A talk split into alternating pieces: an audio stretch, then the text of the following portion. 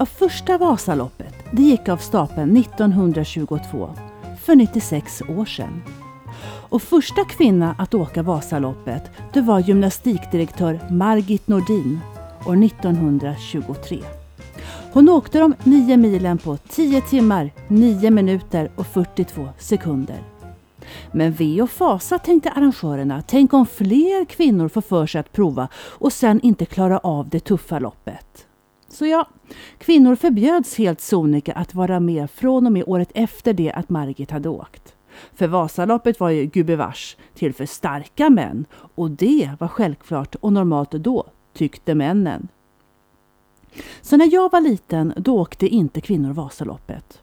För det var först 1981 som det blev tillåtet. Och årets vinnare, Lina Korsgren, hon åkte de nio milen på 4 timmar, 41 minuter och 50 sekunder. Det är ju fantastiskt. Idag är det helt självklart att kvinnor åker Vasaloppet. Idag är det helt normalt för oss. Så känn er varmt välkomna till Mind My Business och podden om välmående och balans i vardagen. Jag heter Ulrika Danneryd Gustafsson och jag arbetar som coach och som föreläsare. Ja, så i det här avsnittet så fortsätter jag med funderingar kring vad det är som har blivit det nya normala och vad det är som vi idag förhåller oss till i vardagen som mina föräldrar och mor och farföräldrar inte gjorde. Steve Jobs ska ha sagt på ett tal på Stanford University du kan inte koppla ihop punkterna när du blickar framåt.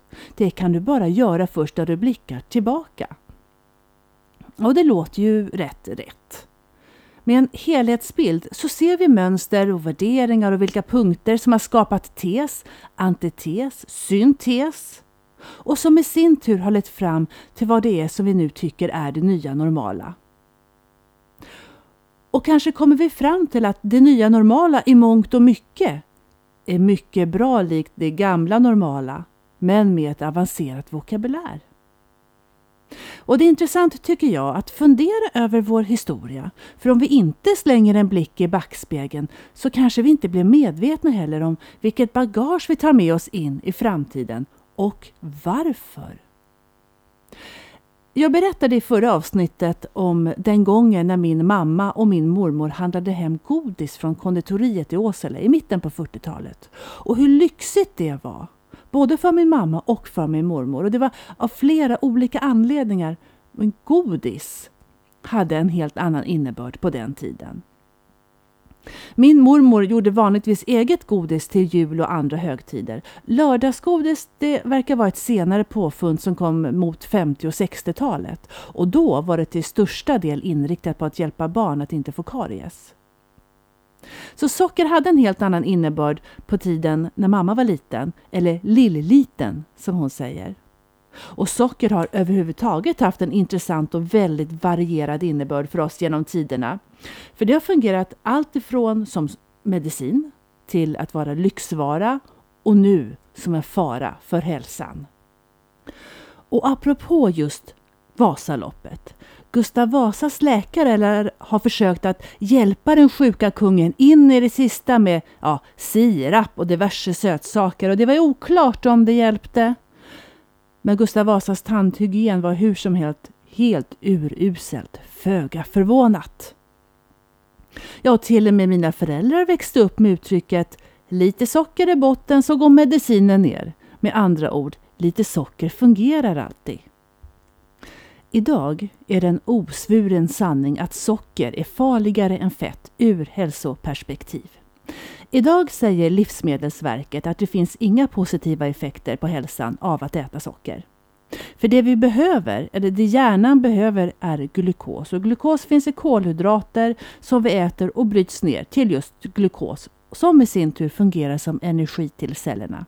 Ja, vi vet ju var kolhydrater finns i bröd och potatis och en massa annat gott.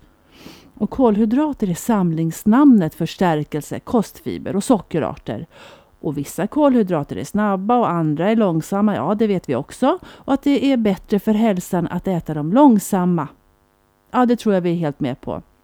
Helt normalt. Ju grövre, desto bättre. Ja, och se, det var normalt när mormor bakade bröd på sin tid. Och enligt Livsmedelsverket så är kolhydrater vår viktigaste energikälla eftersom det fungerar som energi till hjärnan och våra celler.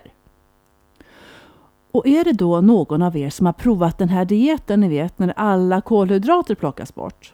Och är det någon av er i så fall som kände er lite såsiga i huvudet efter ett tag? Ja, det kan jag säga att jag gjorde och det var inte särskilt angenämt. Jag menar, man behöver ju inte bli dummare än vad man gör sig. Men vår problematik idag är ju inte nödvändigtvis att vi är godisråttor eller kolhydratjunkies allihopa. Utan fighten, det är mot allt extra tillsatt socker som gömmer sig på alla möjliga och omöjliga ställen i mathyllorna. I fruktyoghurt, fiskpinnar, lättprodukter, köpta dressingar, ketchup, kaviar på tub. Ja, ni vet, listan är så lång.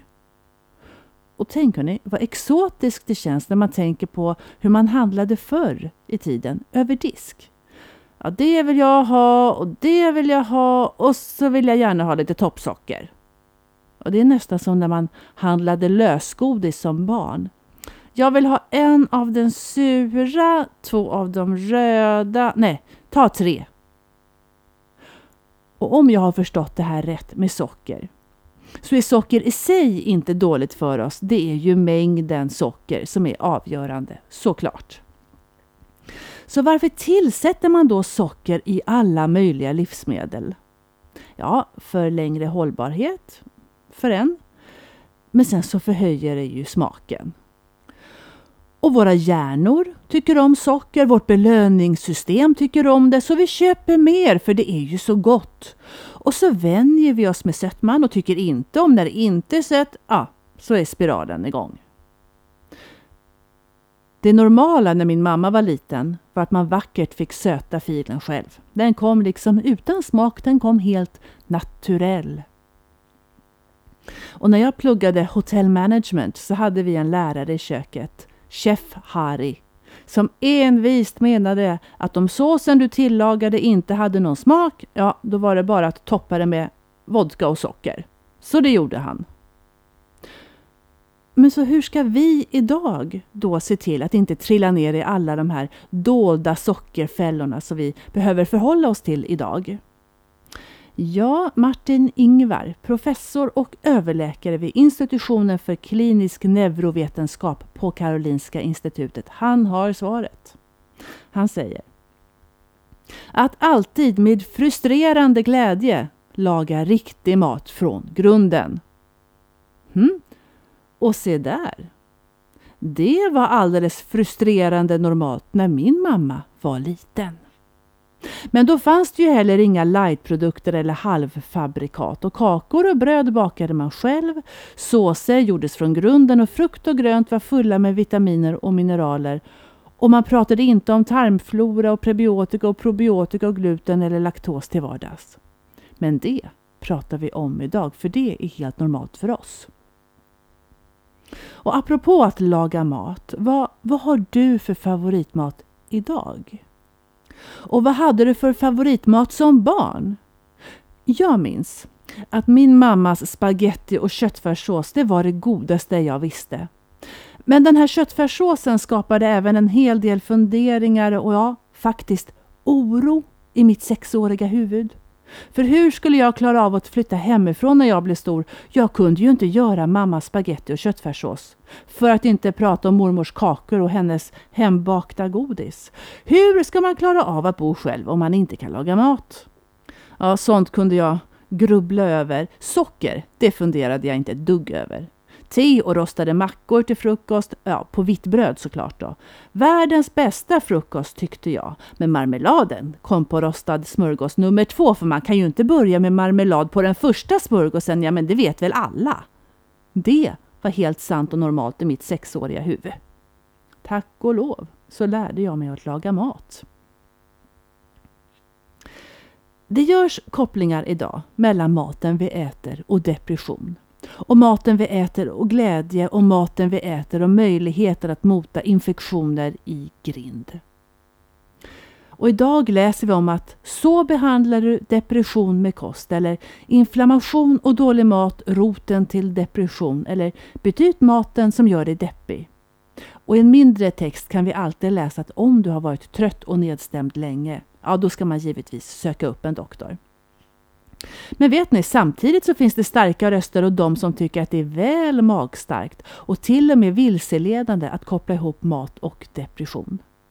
Så finns det möjligtvis en gyllene medelväg här, för nog spelar det väl ändå roll vad vi stoppar i oss, eller?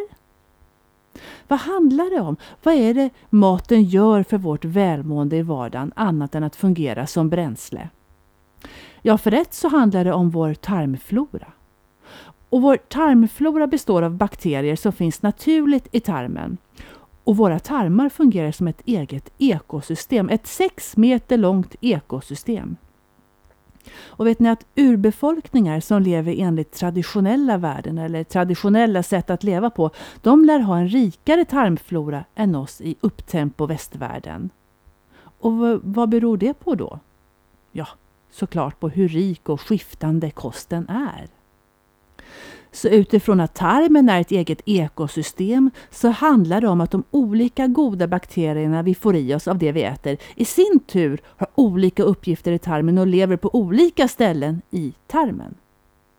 Alltså så är det viktigt med en rik tarmflora och en riklig mängd goda bakterier så att vi får rätt bakterier på rätt plats som tar hand om rätt uppgift så att säga. Och bakterierna hjälper kroppen att bryta ner näringsämnen och skyddar oss mot skadliga mikroorganismer som vi får i oss. Och det fungerar antiinflammatoriskt. Och här kommer det. En väl fungerande tarmflora stärker vårt immunsystem och hjälper kroppen inte minst att faktiskt plocka upp de vitaminer som finns i maten och sen effektivt skicka ut slaggprodukter när vi går på toaletten. Och ge och ta. En 80 procent av immunförsvaret lär sitta i tarmarna. Och av bara den anledningen så kan det ju vara intressant att veta vad är det vi sätter i oss. Ett äpple om dagen håller doktorn borta fick min mamma lära sig av sin mamma.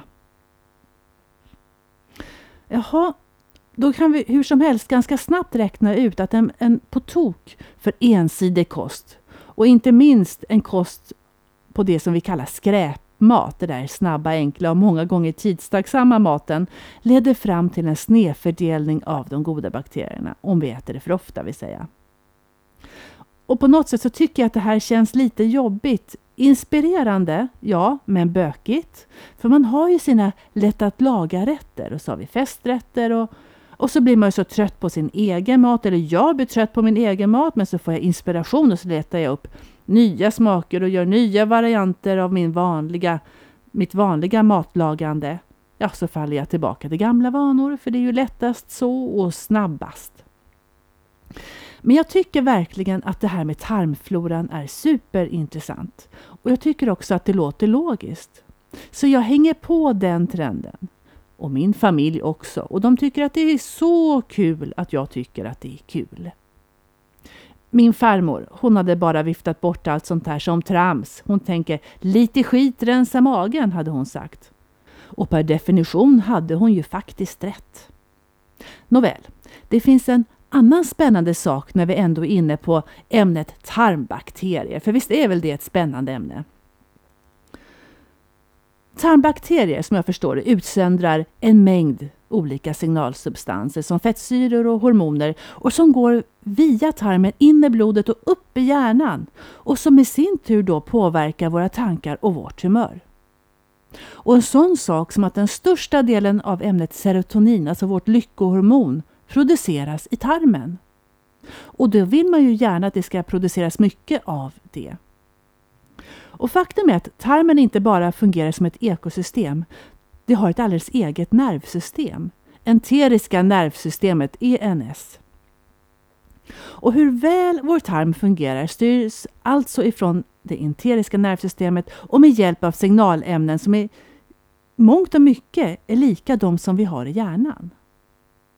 Och enteriska nervsystemet kallas även ibland för bukhjärnan eller den andra hjärnan. Och när vi pratar om den andra hjärnan så går mina tankar helt klart till magkänsla. Och magkänsla ser vi ju som en informationscentral, tänker jag. Men nej, säger forskarna, vi kan inte tänka med magen. Men visst, det finns en koppling mellan sinne och tarm. Och att magen kommunicerar, ja men det vet vi väl alla. För den säger ju till när saker och ting känns bra. Den säger definitivt till när saker och ting inte känns bra eller när vi får fjärilar i magen. Och jag menar, om vi nu pratar informationscentral, brukar man inte prata om att magen är sätet för kreativitet och intuition? Så kropp, tanke och känsla hänger ihop. Det vi stoppar i oss påverkar tarmfloran, påverkar hjärnan, påverkar hur vi mår i vardagen. Och om ni lyssnade till avsnittet Vässa välmåendet med rätt rytm så pratade jag om värdet av att hitta sin egen dygnsrytm och att ett av verktygen var att äta regelbundet. Ja, mycket spännande. Ja, så då vill man ju gärna veta vad vi ska äta för att få i oss de goda bakterierna. Och om man läser på om tarmflora, då kommer man osökt in på probiotika. Och jag frågade min mamma om det var något som talades om när hon var liten. Och nej, det hade hon inte hört talas om. Antibiotika, ja. Probiotika, inte nå, som hon sa. Probiotika är ju helt enkelt levande och goda och nyttiga bakterier som vi hittar i mat som antingen fermenterats och på det viset bildat goda bakterier eller mat som fått tillskott av probiotiska bakterier. Och probiotisk mat hjälper till att optimera vår tarmflora som hjälper vårt immunsystem om vi får i oss det i lämplig mängd vill säga. Så optimerad tarmflora, bättre immunförsvar. Tänk, det visste min mormor utan att veta att det var det hon visste. Goda bakterier och probiotisk bakteriekultur. Ja, det finns främst i fil, yoghurt och syrade produkter som surkål och mjölksyrade livsmedel, vitkål, vitlök. Och olika bakteriestammar finns i olika livsmedel så det går inte bara att snöa in på mjölksyrade grönsaker och tänka att vi får i oss allt vi behöver. Men jag blir glad för jag tänker surströmming måste vara nyttigt, väldigt fermenterat. Och ibland så tycker jag nog banne mig att det luktar surströmming när man öppnar burken med mjölksyrade grönsaker också. Fast det stör ju inte riktigt mig. Lutfisk hörni, det åt man ofta hos min mormor. Och mjölkprodukter som hälsoyoghurt och filmjölk, det, de bakteriekulturerna heter ju saker som lactobacillus och acidofilus och ja. Och nu vaknade min mamma till. Filmjölk säger du. Vet du, vi åt tjockmjölk som barn, berättar hon. Idag kallar man det för långfil. Men mammas mormor Lovisa gjorde sin egen tjockmjölk. Och långfil eller tjockmjölk, ja, det är en gammal norrländsk specialitet. En surmjölk som man gör på samma sätt som när man gör filmjölk, men man tillsätter alltså en speciell bakteriekultur. Och mamma berättar att bakterierna som tillsattes gjorde att mjölken blev seg och lång. Men nej, man pratade inte om att det fanns ett hälsofrämjande syfte av att äta tjockmjölk, eller långfil då, berättar mamma. Anledningen till att man gjorde det var för att det fick en längre hållbarhet än vanlig mjölk. Ja, och så mättade den också, minns hon. Och jajamensan, visst hade mamma rätt. Det var helt enkelt en urgammal konserveringsmetod. Men alltså, seg och lång och mat i samma kontext. Mm, så där känns det. Så jag tänkte att det måste jag prova. Så, så det gjorde jag och så köpte jag långfil, alltså vanlig långfil. Och jag vet inte vad jag hade väntat mig men mm, lite halkig var den allt. Sammanhållande konsistens. Ja, sa mamma, men då vispar du bara upp den så blir det ingen större skillnad mot vanlig fil. Ja, det där nyttiga sättet att leva som de gjorde då när min mamma var liten, det var vanligt då och nu är det typ inne. Men för att bara återgå till tarmfloran. Nu när vi då har ätit vår probiotika så vill vi få en än bättre effekt och ge tarmfloran ytterligare en boost. Ja, då finns det nämligen någonting som heter prebiotika. Och prebiotika är komplexa ja, kolhydrater som inte är smältbara för kroppens matsmältningsenzymer och fungerar därför som näring till de goda probiotiska bakterierna och stimulerar till att de ökar till antal. Och vanliga livsmedel som vi hittar prebiotika i är kronärtskockor, bananer, lök i alla möjliga former, vetegroddar, kiwi, broccoli och rucola och kall potatis. Med andra ord, en perfekt frukost blir ju då kefir eller, eller varför inte långfil med banan och vetegroddar. Så vågar vi gissa att kunskapen om probiotika och prebiotika och tarmflora blir framtidens normala. En fullständig självklarhet för våra barn. Helt naturligt. Och just naturlig. Vi vill ju att vår mat ska vara naturlig, att, att den ska odlas naturligt. Och efterfrågan av ekologiskt odlad mat blir bara större och större. Men på Livsmedelsverkets hemsida kan man läsa att forskningen inte visar på entydiga skillnader i vitamin och mineralhalter hos växter som är ekologiskt odlade mot de som är konventionellt odlade. Okej, okay, nej, må så vara. Jag tycker i alla fall att det känns bättre att köpa ekologiskt. Men när min mamma växte upp så var grönsakerna rätt ekologiska. Och det man gödslade med på åkrarna var mest old fashion dynga. Dynga som näring till jorden. Och det skrivs en hel del om att våra grönsaker idag har tappat mycket av sitt ursprungliga näringsinnehåll, även om det faktiskt samtidigt skrivs att det finns mer att undersöka på, på det. Men enligt Donald Davis i alla fall och hans team på University of Texas så är huvudförklaringen till minskningen av vitaminer och mineraler i frukt och grönt i deras studier att näringsinnehållet försummats under decennier av växtförädling med ensidig inriktning på hög avkastning. Alltså mer grönsaker, större grönsaker, snabbare grönsaker och dessutom vackrare frukt och grönsaker. Och handen på hjärtat. Hur många av er kikar efter de finaste äpplena och apelsinerna och päronen i grönsaksdisken? Nej, jag vet, inte alla, men många av oss. Och varför gör jag det undrar jag? Tror jag verkligen att det smakar bättre? Och när jag handlade äpplen häromdagen så stod jag faktiskt och funderade på det. Och rent automatiskt så vill jag alltid ta det lite snyggare äpplet. Men friskt vågat. Jag tog hem några med prickar på. Och ja, det var ju ingen skillnad.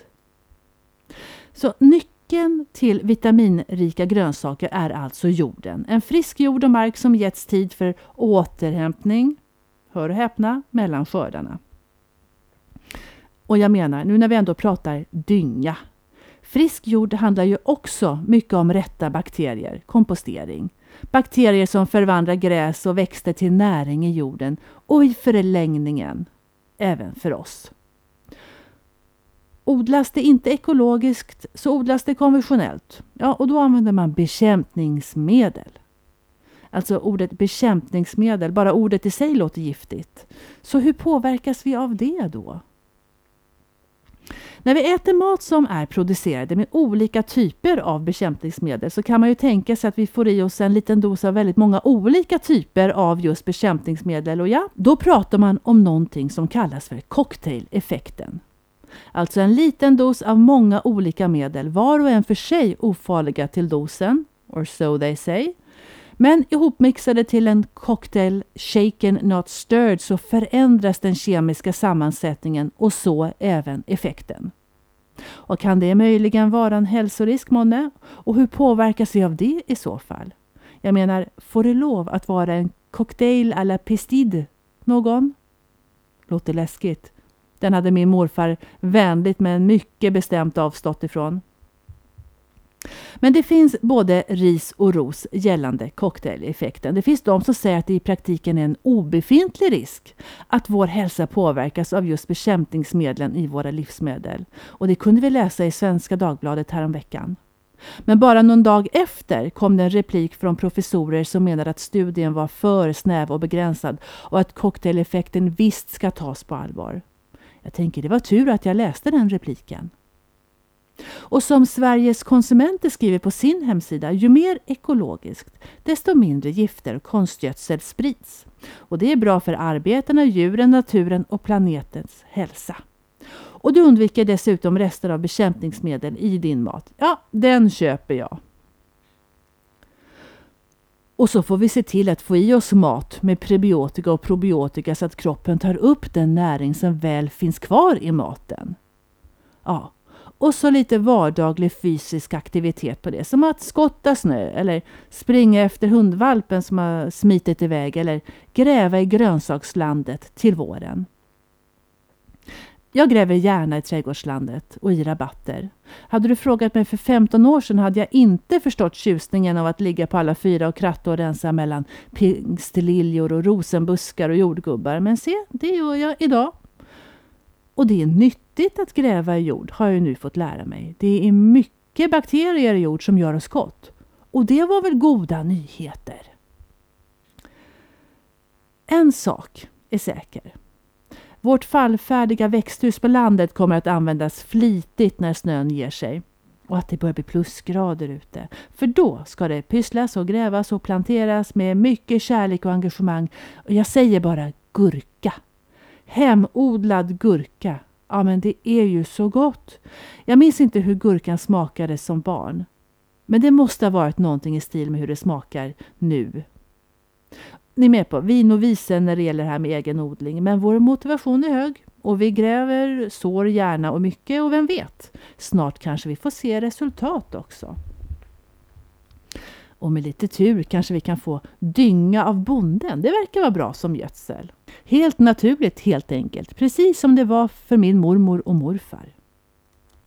Man brukar ju säga att vi är vad vi äter. Men jag har för mig att någon har sagt vi är våra bakterier. Mm. Glada bakterier, glada magar, glada magar, glada människor. Och apropå att hålla i längden, nu när vi pratar det nya normala, så är hållbar utveckling och återvinning på tapeten nu, eller hur? Och I Brundtlandskommissionens rapport Vår gemensamma framtid som publicerades 1987 beskrivs hållbar utveckling så här. Hållbar utveckling är utveckling som tillgodoser dagens behov utan att äventyra kommande generationers möjligheter att tillgodose sina behov. När jag frågade min mamma om de pratade hållbarhet när hon var liten så sa hon att bara nej, det fanns inga datumstämplar på livsmedlen. Ja, skämt åsido, eller nej, hon sa så men hållbarhet var mer som en outtalad självklarhet när hon var barn. De levde i efterkrigstiden. Man värnade om det man hade och, såg till att ingenting gick till spillo. Det var så man gjorde. Och de fick vackert klämma och känna och lukta och smaka på maten för att avgöra om den var ätlig. Det fanns inga plastpåsar och kläder införskaffades efter behov. Och min mormor hon var duktig på att sy. Hon lagade alla kläder och vände på morfars skjortkragar och manschetter när de blev förslitna. Det var en del av livsstilen. Det var normalt att återanvända. Då kallade man det för att ärva. Idag kallar vi det för second hand eller varför inte vintage. Jag kan inte sy. Jag har ingen symaskin men jag tror att det var korsstygn jag använde när jag la upp Julias maskeradklänning när hon var liten. Jag minns att vi fick lära oss att stoppa strumpor i skolan. Det tror jag inte att mina barn har fått lära sig. Men symaskinskörkortet håller i sig. Tack och lov. För ja, vad gör vi med strumporna idag när de går sönder? Vi köper nya. I trepack. Eller fempack. Eller i tiopack. Jag menar, det är ju lika bra att handla hem. De slits ju så snabbt. Det är ju bäst att vara effektiv.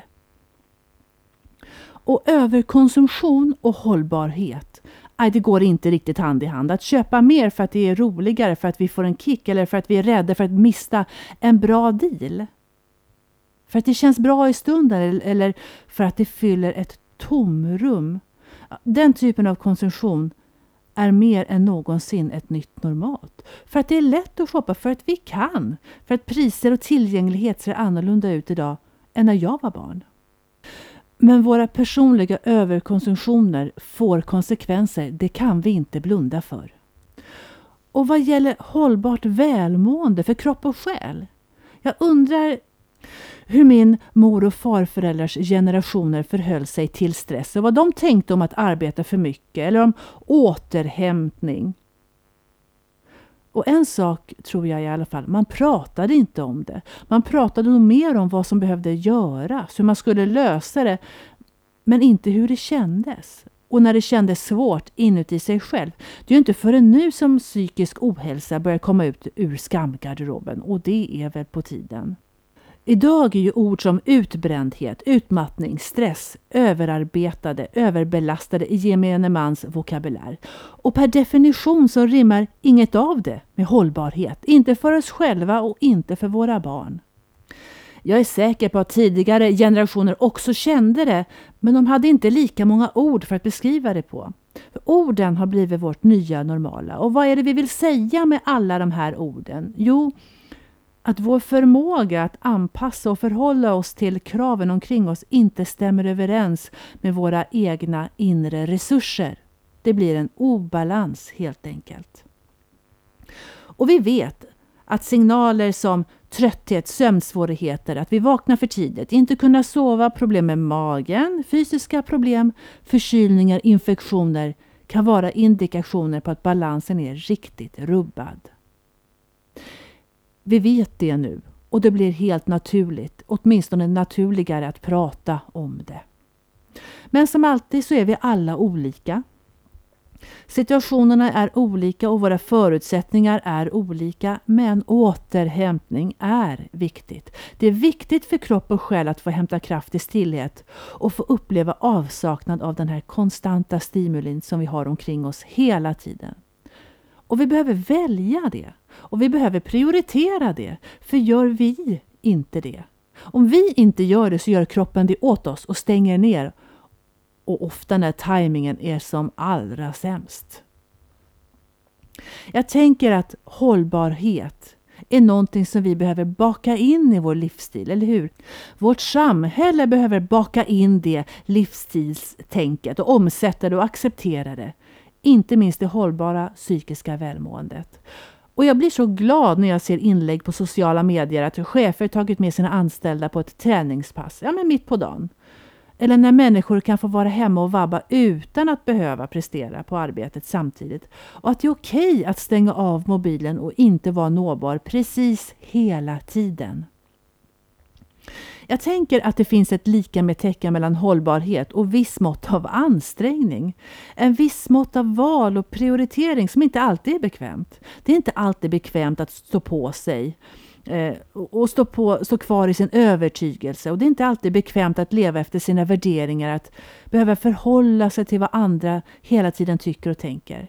Men förhoppningsvis så är det meningsfullt. Och jag menar inte att vi ska bli surkärringar allihopa och vifta med käppen och be alla andra fara och flyga. Jag menar att vi ska värna om oss själva och att det i sig kan vara en utmaning, men det är en utmaning som vi väljer. Och faktiskt, så för kropp och själ och för en hållbar kropp och själ så återkommer jag till det här med eget ansvar. Och jag vet att det är ett knivigt ämne och ändå så är det någonting i det som jag tror att vi alla behöver hitta på vårt eget sätt i oss själva. Om jag vet vad jag mår bra av, hur kan jag då få mer av det? Och om jag vet vad jag mår sämre av, hur kan jag få mindre av det? Och Det här är verkligen frågor som jag arbetar mycket med med mina klienter. Så det känns som om vi behöver tänka medvetet idag kring hållbarhet, mer än någonsin. Ja, och hållbar utveckling är ju allas vårt ansvar och att vi alla tar ansvaret på bästa vis i vardagen. Där våra liv ändå får plats. För det handlar om tid och det handlar om våra värderingar och om våra övertygelser. Och kanske sist, men inte minst, när det kommer till hållbar utveckling. Låt oss prata om saker som vi mår bra av och skriva ner det och titta på kort och skratta åt roliga minnen och glädjas åt det varma. Umgås i goda vänners lag och gläds med varandra. Återvinn din lycka och välmående så ofta du bara kan och håll kvar goda känslor och mjölka dem. Igår var det internationella kvinnodagen. Den instiftades 1910 även om datumet då inte var satt. Den behövs än idag. Vet ni vad Margit Nordin ska ha sagt i samband med tumulten som blev på grund av hennes deltagande i Vasaloppet 1923? Jo, jag tycker inte alls att jag har gjort något märkvärdigt. Men nu när folk säger att mitt deltagande bidragit till tävlingens stora popularitet i år så ska jag be att få säga att man är dum om man avstår från ett så tacksamt och billigt propagandamedel som kvinnors deltagande i tävlingen anses vara. Nej, nästa år måste vi bli många. Kära Margit, det tog nära på 60 år innan det skedde. Men tack och lov att det är ett nytt normalt idag. För er som lyssnade till avsnittet om motivation. Ja, jag tog mig också i mål förra veckan, även om det var halvvasan och fyra och en halv mil istället för 9. Och när jag haltade in för att hämta ut diplomet efter det att jag hade kommit i mål så frågade den hurtiga tjejen bakom disken Vill du anmäla dig till nästa år redan nu? Och jag tänkte Skojar du med mig? Aldrig i livet! Det är inte mitt normala att åka varje år. Ännu. Och det, kära lyssnare, det var allt för idag. Stort och varmt tack för att ni har lyssnat. Och tyckte ni om det? Lajka, dela eller lyssna igen nästa gång. Och tills dess, ta hand om varandra, ta hand om magen och ha det så bra. Hej!